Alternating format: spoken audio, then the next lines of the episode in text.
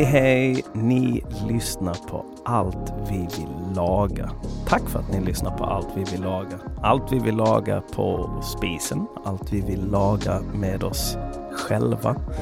Allt vi drömmer om, tänker på och är rädda för vad gäller mat. Idag ska jag och Frida prata om ett ämne som ligger oss nära hjärtat, det vill säga barn och mat. Vi har båda två små barn i nästan exakt samma ålder och de här barnen har precis börjat sin matresa och det kan vara minst sagt turbulent för oss föräldrar som då ser oss som eh, några som kan det här med mat. Och så har man då den här lilla personen hemma som inte riktigt vill följa ens så klokt utstakade bana som man försöker servera.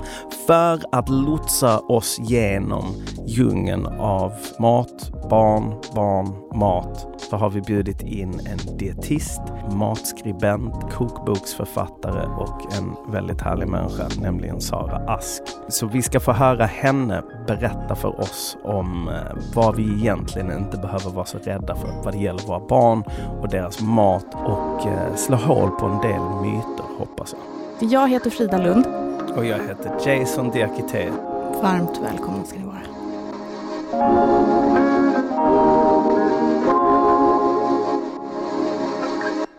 Min son Florens har mm. från start, kanske från så här sex månader, varit den mest matglada lilla personen jag känner. Alltså han har ätit exakt allt. Allt som hans mamma och pappa har gett honom. Han ja. gladeligen mumsat i sig. Verkligen. Mm. Och också, det gick till en punkt när vi inte kunde äta framför honom för att han började skrika då, för han ville också ha mat. Mm. Och när de är sådär man ska vara väldigt försiktig i början så att liksom deras magar typ hänger mm. med. Mm. Eh, så att vi fick liksom ställa oss med ryggarna mot. när vi... Och äta snabbt. ja, ja. Eh, för att han inte skulle se, för han blev liksom galen. Mm. mm. Eh, och sen så utformade han ett ljud som lät typ så här som han gjorde varje mm. gång han var sugen på någonting. Ge mig mat. Ge ja. mig matljudet. Ja, mm. eh, och det var så jävla gulligt. Eh, och han käkade då allt. Det kunde vara så här, mat med lite hetta i mm. och grönsaker. Och jag blev då den här föräldern som bara, ah, mitt barn äter allt. du vet när folk bara, jag får inte i mitt barn än. Jag bara, men jag tror verkligen att det bara handlar om att ha ett så öppet sinne mm, och mm. bjuda på allt. Alltså, den här personen man liksom aktivt hatar. Du, du liksom ändå eh, var så här, att det är ju för att jag och Florens pappa, vi har ju vi har bara haft en annan inställning till vårt barn förmodligen. Exakt, vi har varit så orädda för att ge honom massa olika smaker även när mm. han är liten. Mm. Klipp till! Florens blev typ så här två år, och, två och ett halvt år eller någonting. Och gick då från att så här, äta smakrika grönsaksgrytor mm. till att bara vilja ha beige mat. Japp. Eh, och då undrade jag först, men vad fan har jag gjort för fel? Alltså han mm. älskade det här. Och nu är han helt plötsligt helt anti allting och vill mm. bara äta makaroner, fiskpinnar, Alltså falukorv, absolut. Men mm. liksom that's it. Inget mm. med konsistens, inget med färg. Nej. Och plötsligt så var jag där bland mm. alla föräldrar vars barn är kräsna. Alltså det finns ju en, min dotter Maxim eh, gick igenom samma resa och jag kände också, där, kanske runt tiden hon var ett, att bara så här, Åh vad skönt att vi fick ett barn som äter broccoli och eh, avokado och fisk och kyckling. Det, det, var så oerhört tillfredsställande att laga någonting så här lila sötpotatis och så, så hälla i lite kallpressad rapsolja och, oh. och så, så lite vita bönor med lite vitlök och så här, Och hon åt det. Mm. Och bara, nu får hon näring mm. och jag har lagat mat till mitt barn och hon älskade maten. Klipp, klipp till samma grej som Florence gick igenom, att bara nej, jag vill bara ha snabbmakaroner köttbullar, mm. möjligtvis ketchup. Alltså, vet du vad jag till och med har sagt? Och det här skäms jag så jävla mycket för. Mm. Jag har till och med sagt så här, nej, jag kommer aldrig att laga en annan rätt till mitt barn än det vi äter. Tror du jag har fått liksom äta upp det eller? Ja, eller, eller så hade du fått liksom eh, skala tillbaka ganska hårt på vad du och... Men det, den grejen man också kunde ha, att säga, nej jag tänker inte göra några halvfabrikat eh, till, min, till mitt barn. Nej. Åh, nej. Det kanske duger för andra barn men inte för mitt barn. Nej, absolut inte. Mm. nu, nu får Hej. vi fin besök i studion. Mm, Äntligen kommer vår räddare i nöden, exakt. tror vi, Vi i alla har fall. med oss en expert på det här med barn och mat till barn. Mm. Dietist, matboksförfattare, matälskare Sara Ask. Hej, hjälp och välkommen säger vi till dig Sara Ask. Tusen tack! Jag har stått och tjuvlyssnat pyttelite av vad Mm. ni har pratat om Mm. eh, här innan jag kom in. Jag misstänker att vi är inte de första föräldrarna som eh, berättar det här för dig. Just att vi hade ju ett barn som åt allt och nu är barnet sönder. nu äter barnet ingenting.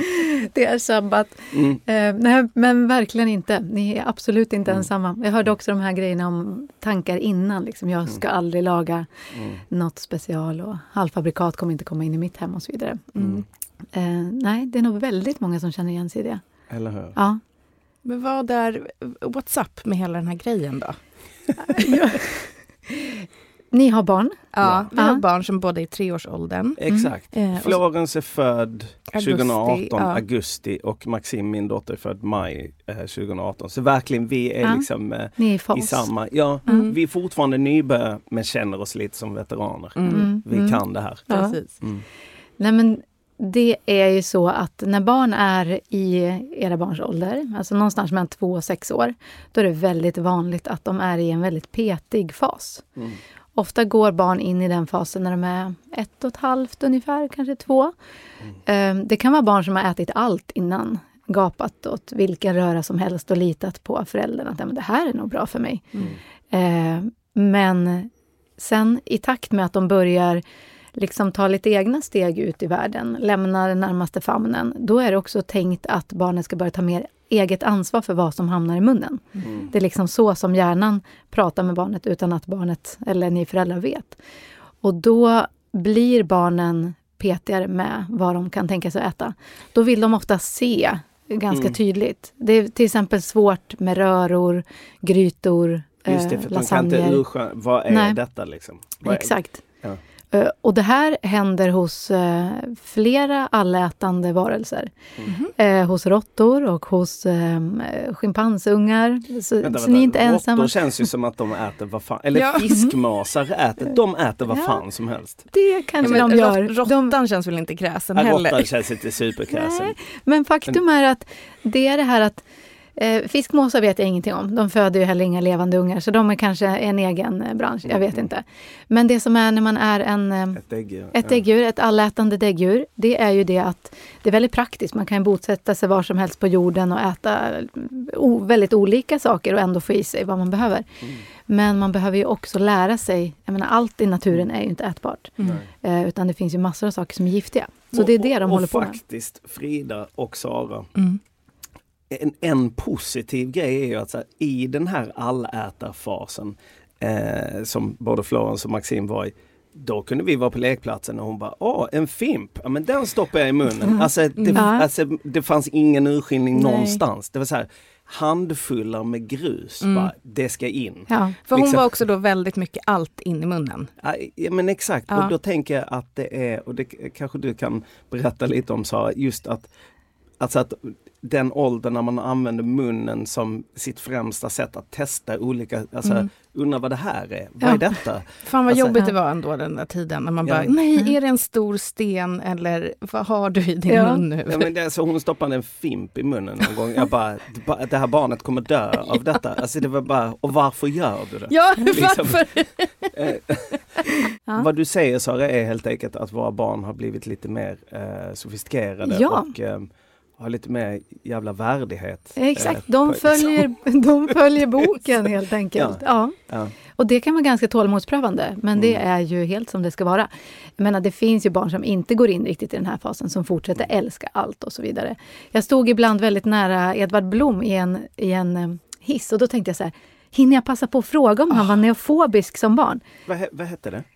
Neofobisk. Neofo, Ja, alltså man ne- är, ja, man går in i en fas där man är rädd för nya saker. Mm, mm. Och det behöver inte vara, jag menar, man kan ju tycka att men du har ju alltid ätit broccoli i Mm. alla möjliga olika former. Exakt. Det är inte nytt för dig, varför äter du inte det nu? Nej. Men det är lite som att det börjar om Ja. där. Det som man ska veta med den här fasen, det är också att den kan vara längre. Mm. Hos vissa barn så är det så här i, i skolåldern också. Ja. Och det är en ganska stor ärftlighet i det. Mm. Eh, när man har gjort Okej, tvillingstudier. Ja. Ja. Det Nej, är men, inte bra. Nej men alltså, du sitter med två stycken. Det, sa, det har inte jag sagt till dig tidigare Frida, men du har ju berättat om att du var en PT, Mm. eh, alltså var PT med maten ganska länge. Det var jag också. Ah, Alltså ja. jättelänge. För så- På ett sätt är jag det fortfarande. Men det kan vi komma in på sen. jag var ju också så. Okej, okej. Och jag, det var det Så sista... tre neofober samlas här. Liksom. Och It's a lifelong commitment. Verkligen. Nej, men det sista jobb mina föräldrar trodde att jag skulle ha, det var Mm. definitivt att stå och göra kokböcker. Mm. Särskilt vegetariska. Jag åt Mm. bara morot tills jag flyttade hemifrån. Mm. Det var den enda grönsak jag kunde tänka mig titta åt. Mm. Det jag brukar säga, när jag jobbade kliniskt som dietist och träffade många föräldrar som hade barn som var väldigt petiga, var Mm. liksom det här att det blev ju uppenbarligen människor av er också. Mm. Och kanske Mm. till och med människor som tycker om mat.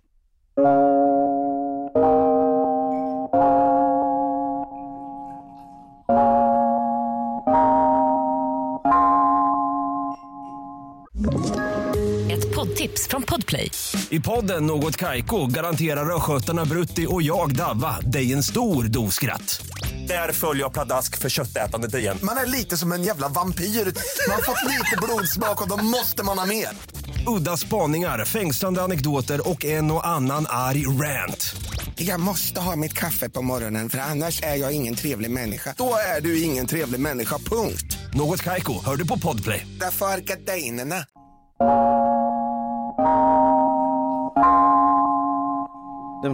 första frågan tror jag ändå är att liksom på något sätt tygla min oro. För näringsintaget och så. Ja, Mm. alltså kan du berätta lite för, eh, som kan lugna mig och Frida och alla andra Mm. våra lyssnare som har barn.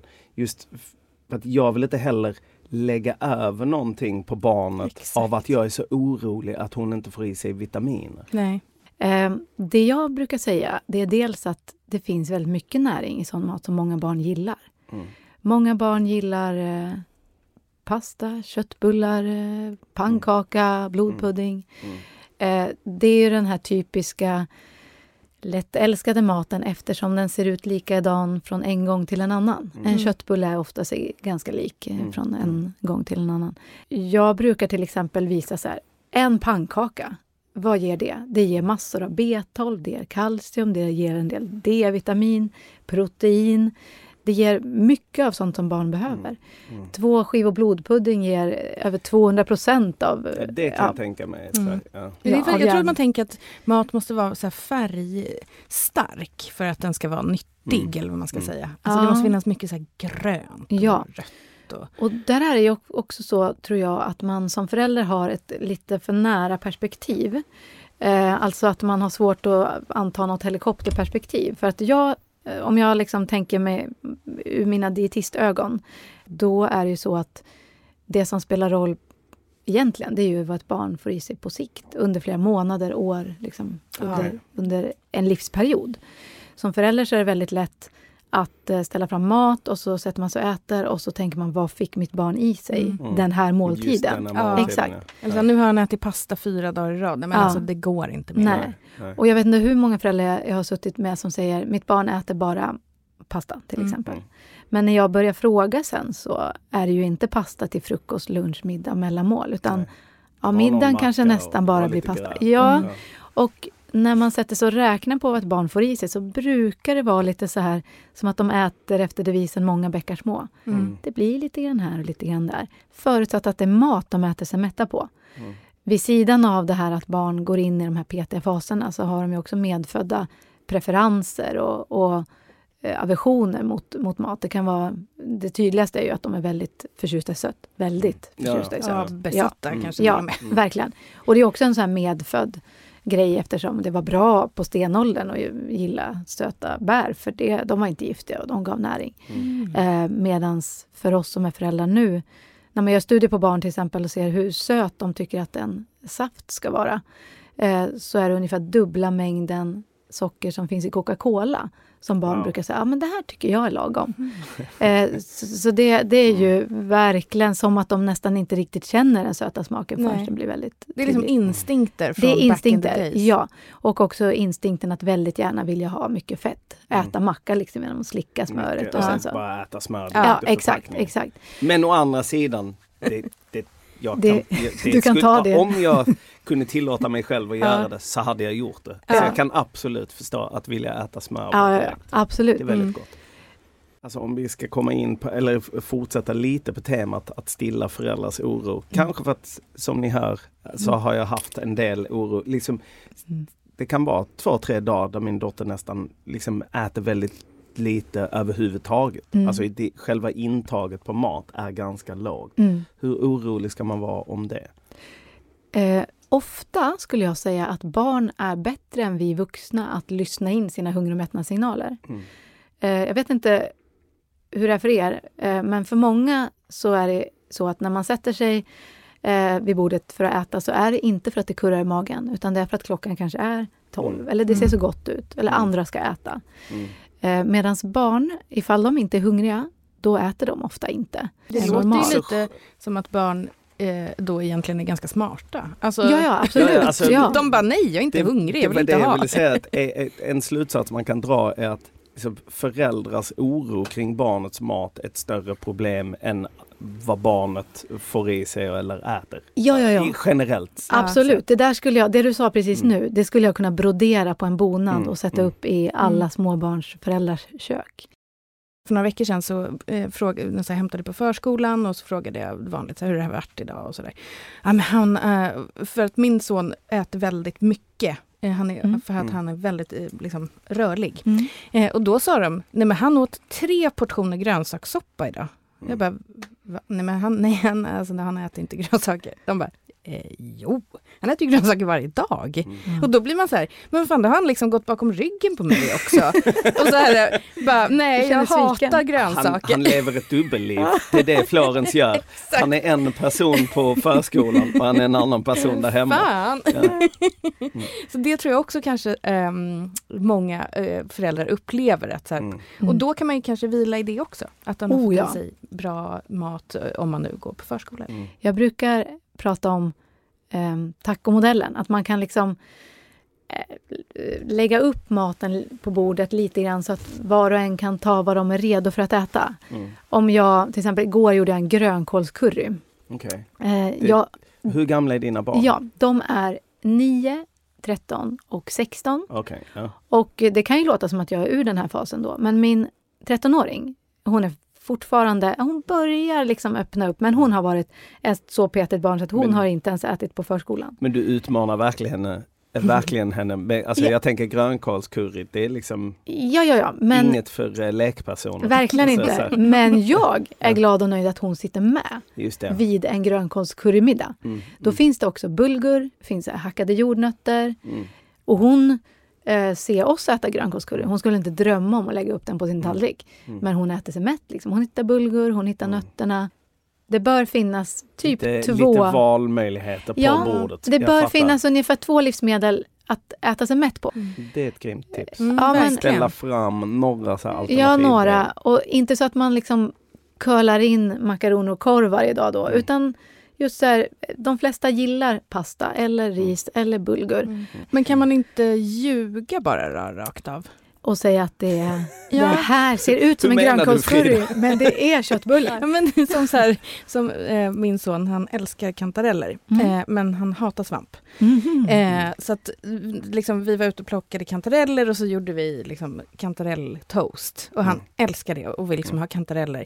Men så fort jag säger svamp så säger han nej. Så Mm. nu säger jag ju att allt med svamp är kantarell. Ja. Eh, och, Äter han då det? ja, då äter han. Så han älskar det tydligen. Men då är det väl ett, ett, Så ett, ett, ett, en legit lögn? Ja men det är liksom, det jag eller? tänker. Ja. Eh, och jag frågade också på min Instagram vad folk eh, gjorde för att eh, deras barn skulle få i sig mat.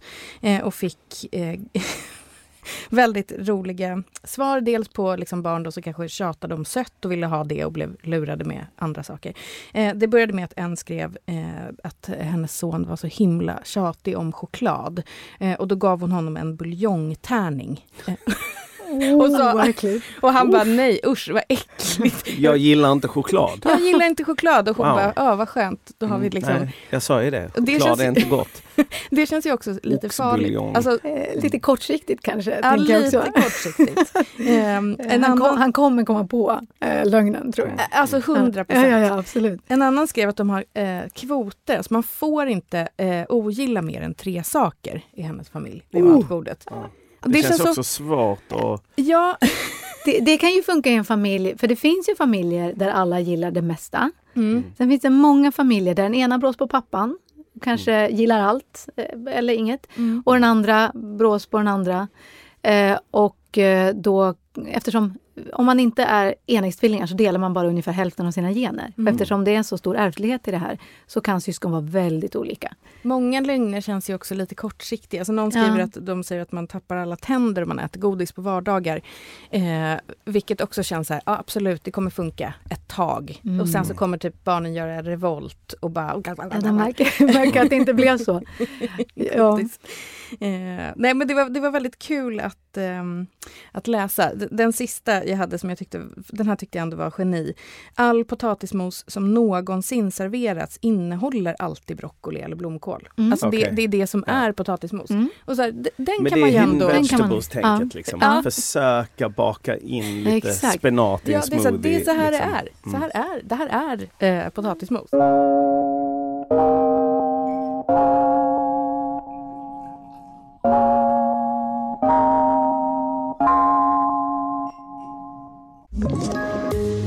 Ett poddtips från Podplay.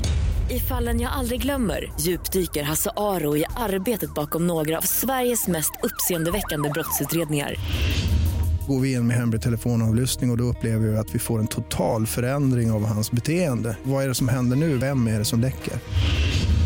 Och så säger han att jag är kriminell, jag har varit kriminell i hela mitt liv men att mörda ett barn, där går min gräns. Nya säsongen av Fallen jag aldrig glömmer på Podplay.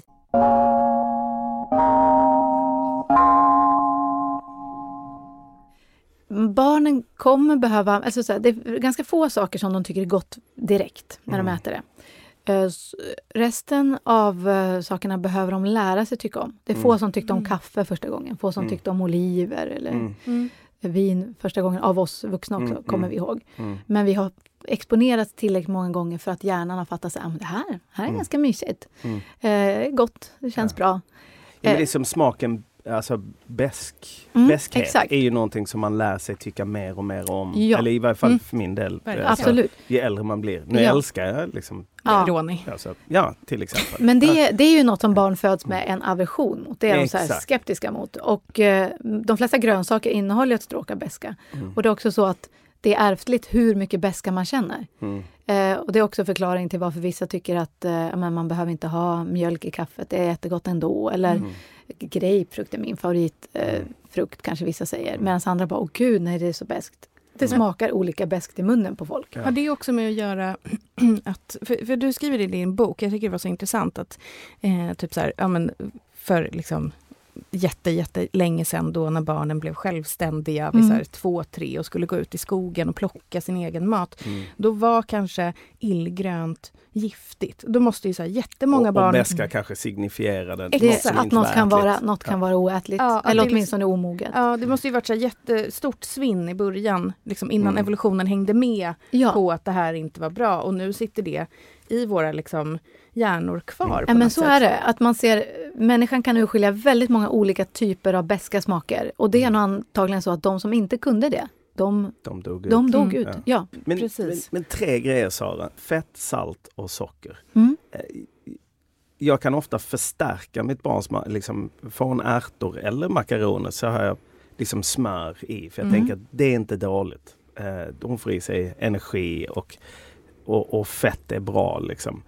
Eh, men sen däremot när hon sitter och mumsar i sig, om vi är på restaurang och hon vill ha pommes frites, då får hon pommes frites och så Mm. försöker jag liksom de första fem pommes fritesen försöker jag ta bort saltet från men sen orkar jag inte efter ett tag. Eh, och så tänker jag så här, åh stackars hennes små njurar liksom, hur ska de eh, klara allt det här saltet? Eh, och sen då givetvis socker. Eh, där hon kan äta liksom, skulle det inte finnas, skulle det finnas liksom eh, bottenlösa russinförpackningar skulle hon äta hur mycket som Mm. helst. Ja. Ehm, Hon är ju helt enligt boken. ja, ja. Ja. men jag- och jag är ju egentligen likadan själv. Liksom. Ja, Men- ja, man men liksom, hur Mm. farligt skulle du säga och hur ska man tänka kring kanske framför allt salt och socker men även fett Mm. eh, för små barn? Jag är nog mer... För min del är det andra ämnen som jag tänker på Mm. som de viktigaste. Jag vill se till att det finns tillräckligt mycket järn i barns mat eftersom Okej. de har högt järnbehov i relation till hur stora portioner de, de Mm. äter. Eh, när det gäller fett tänker jag superbra att förstärka på det där sättet. Eh, jag väljer gärna själv ett fett som är D-vitaminberikat och kanske blandat eh, raps och smör till exempel. Så att det är ganska mycket rapsolja som Mm. ger de fettsyror som barn Mm. behöver. Ehm, så här mjuka fetter som också är bra för miljön i blodkärlen. Eh, när det gäller salt, då skulle jag tänka så här att eh, jag skulle inte oroa mig för det som ni äter liksom pommes på, Mm. på eh, snabbmatsrestaurang eller så. Mm. Utan jag skulle tänka så här, hur, vad har vi för saltvanor hemma?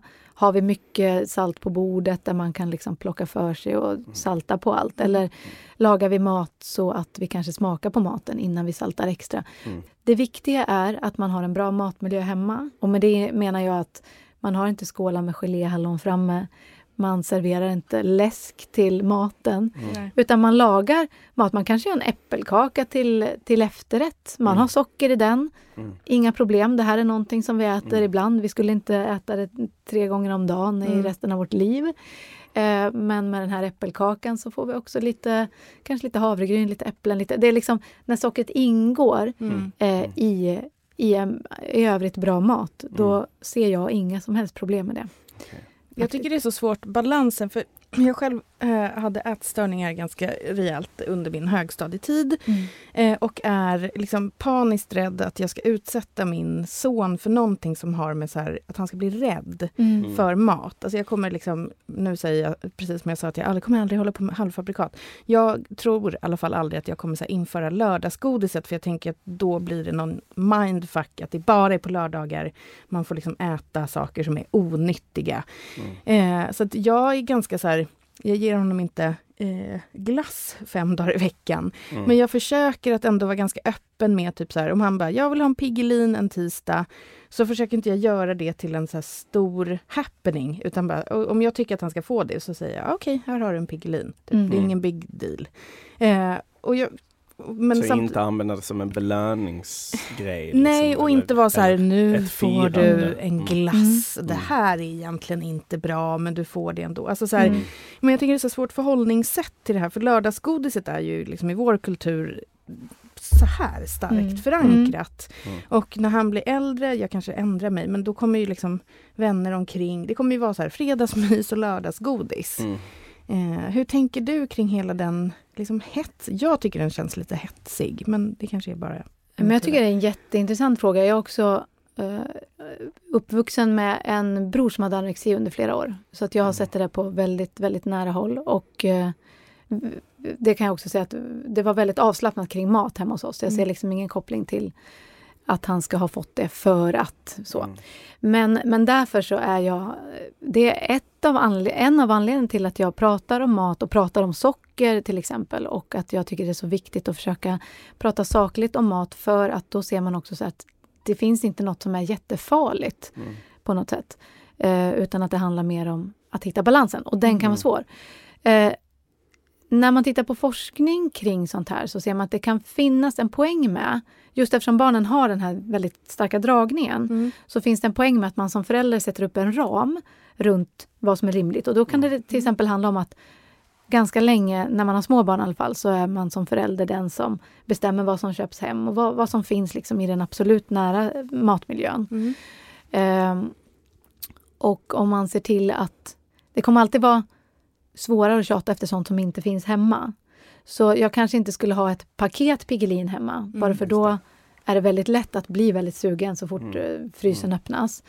Eh, men, och i mitt hem så har vi lördagsgodis eh, som jag ser som en bra ett bra koncept för att liksom inte det ska behöva bli så mycket snack andra dagar. Men Mm. jag är inte vrålstrikt med att det är bara då och nu är det en helig stund och sådär. Utan kommer det hem en faster med en godispåse så skulle jag säga så här, men ja, härligt, nu äter vi godis. Mina barn sa häromdagen, vi har en pizzeria ganska nära oss som gör väldigt bra pizza. Eh, och eh, då sa de så här, pizza, visst är det skräpmat, sa min, min lilla tjej. Och då kände jag så här, nej, jag vill inte kalla någonting för skräpmat egentligen. Nej. Utan i min familj så vill jag så här, vi äter, eh, ibland äter vi pizza, ibland stannar vi till på en snabbmatrestaurang och köper någonting där. Eh, vi äter inte den här maten varje dag för den ger kanske inte supermycket näring. Mm. Men vi kallar ingenting för skräp, för skräp är sånt man slänger. Eh, och då tror jag också att man minskar laddningen kring saker. Jag tror mer på att göra snarare än att prata. Mm. Vi gör genom att vi, vi äter Mm. oftast annan mat.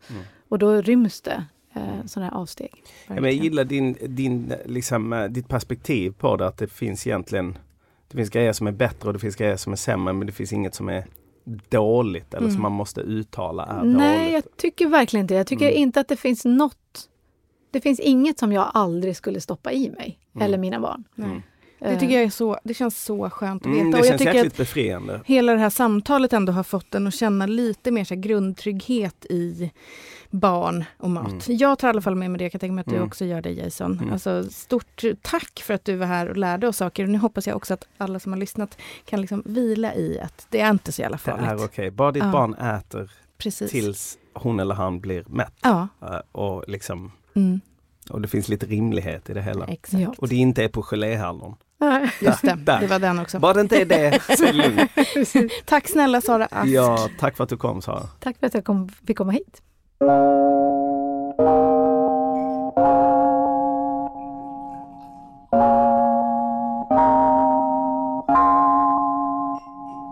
Frida, alltså du och jag är båda två, eh, vi har en historia av att vara petiga med maten.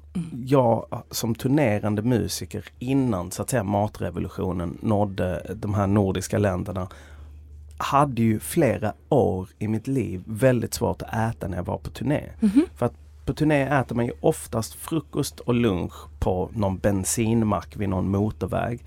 Och eh, middagen serveras av stället man spelar på och det kan vara allt från absolut oätligt till helt okej gott. Mm. Eh, och i vissa enstaka fall fick man något jättegott.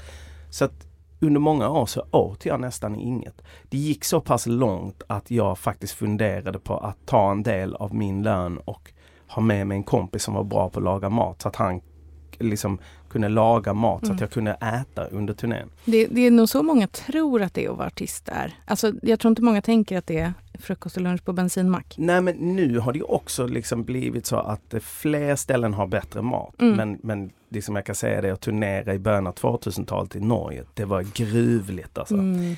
Jag pratade en dag med Ola Salo om detta och han bara ah, jag har ett hack till dig Jason. Eh, han bara, du måste äta barnmat. För barnmat görs bara på de bästa ingredienserna. Det är inga tillsatser och det kan du alltid äta. Liksom Sempers spaghetti och köttfärssås på burk. Det är liksom, och det finns på alla mackar. Och jag bara, fan vilken bra idé, tack Ola, ah vad grymt liksom.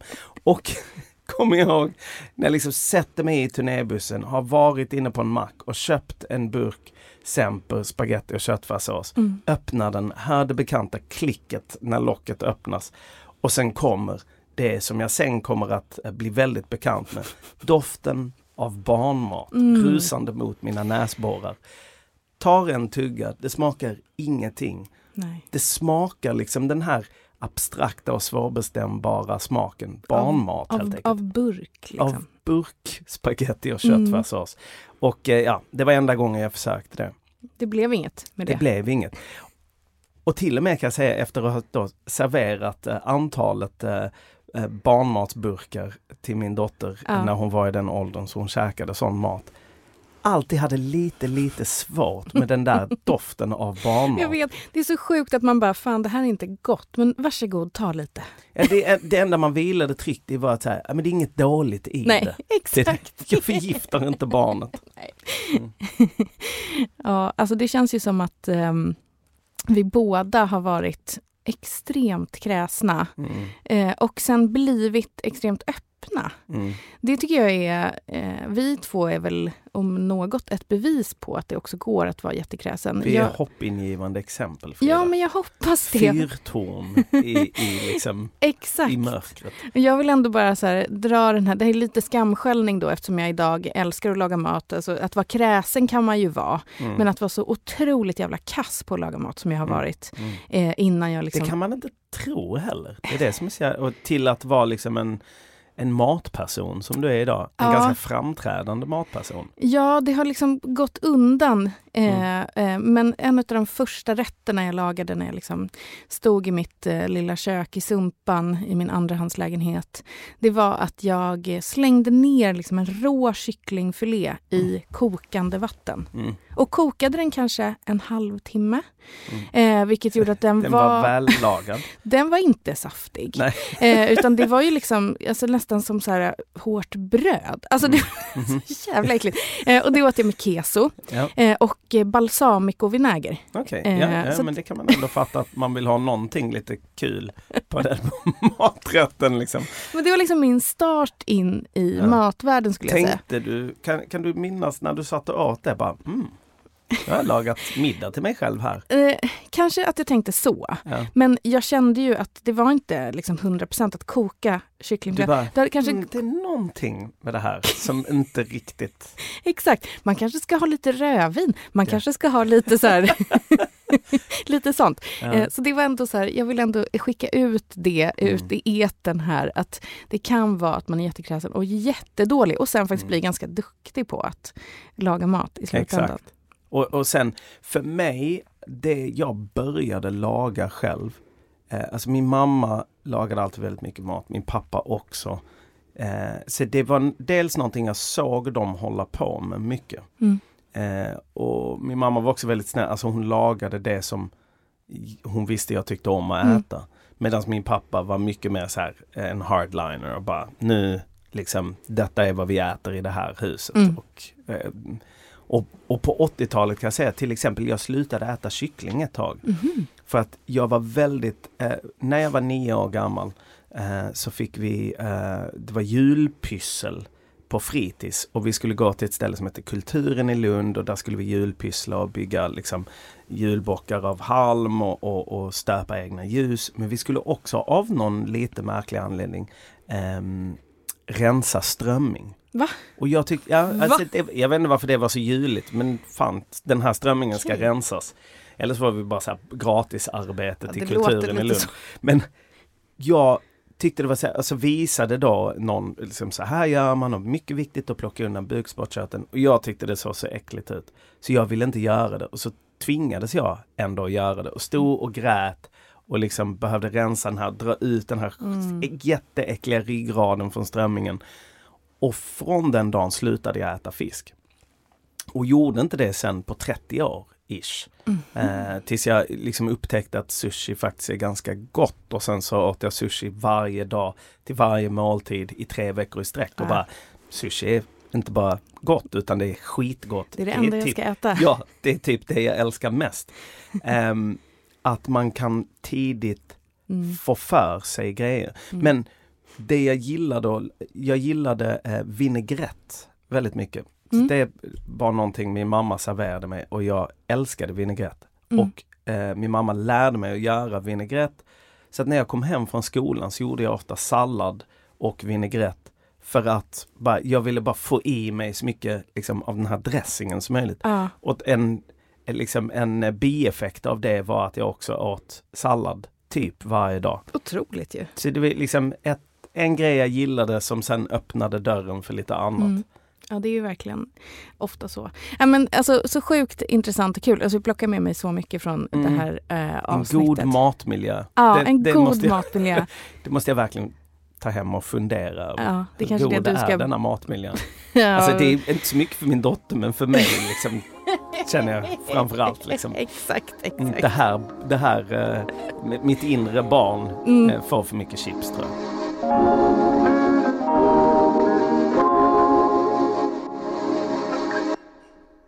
Det här är en produktion från Soundtelling. Ett poddtips från Podplay. I fallen jag aldrig glömmer djupdyker Hasse Aro i arbetet bakom några av Sveriges mest uppseendeväckande brottsutredningar. Går vi in med hemlig telefonavlyssning och, och då upplever vi att vi får en total förändring av hans beteende. Vad är det som händer nu? Vem är det som läcker? Och så säger han att jag är kriminell, jag har varit kriminell i hela mitt liv men att mörda ett barn, där går min gräns. Nya säsongen av Fallen jag aldrig glömmer på Podplay.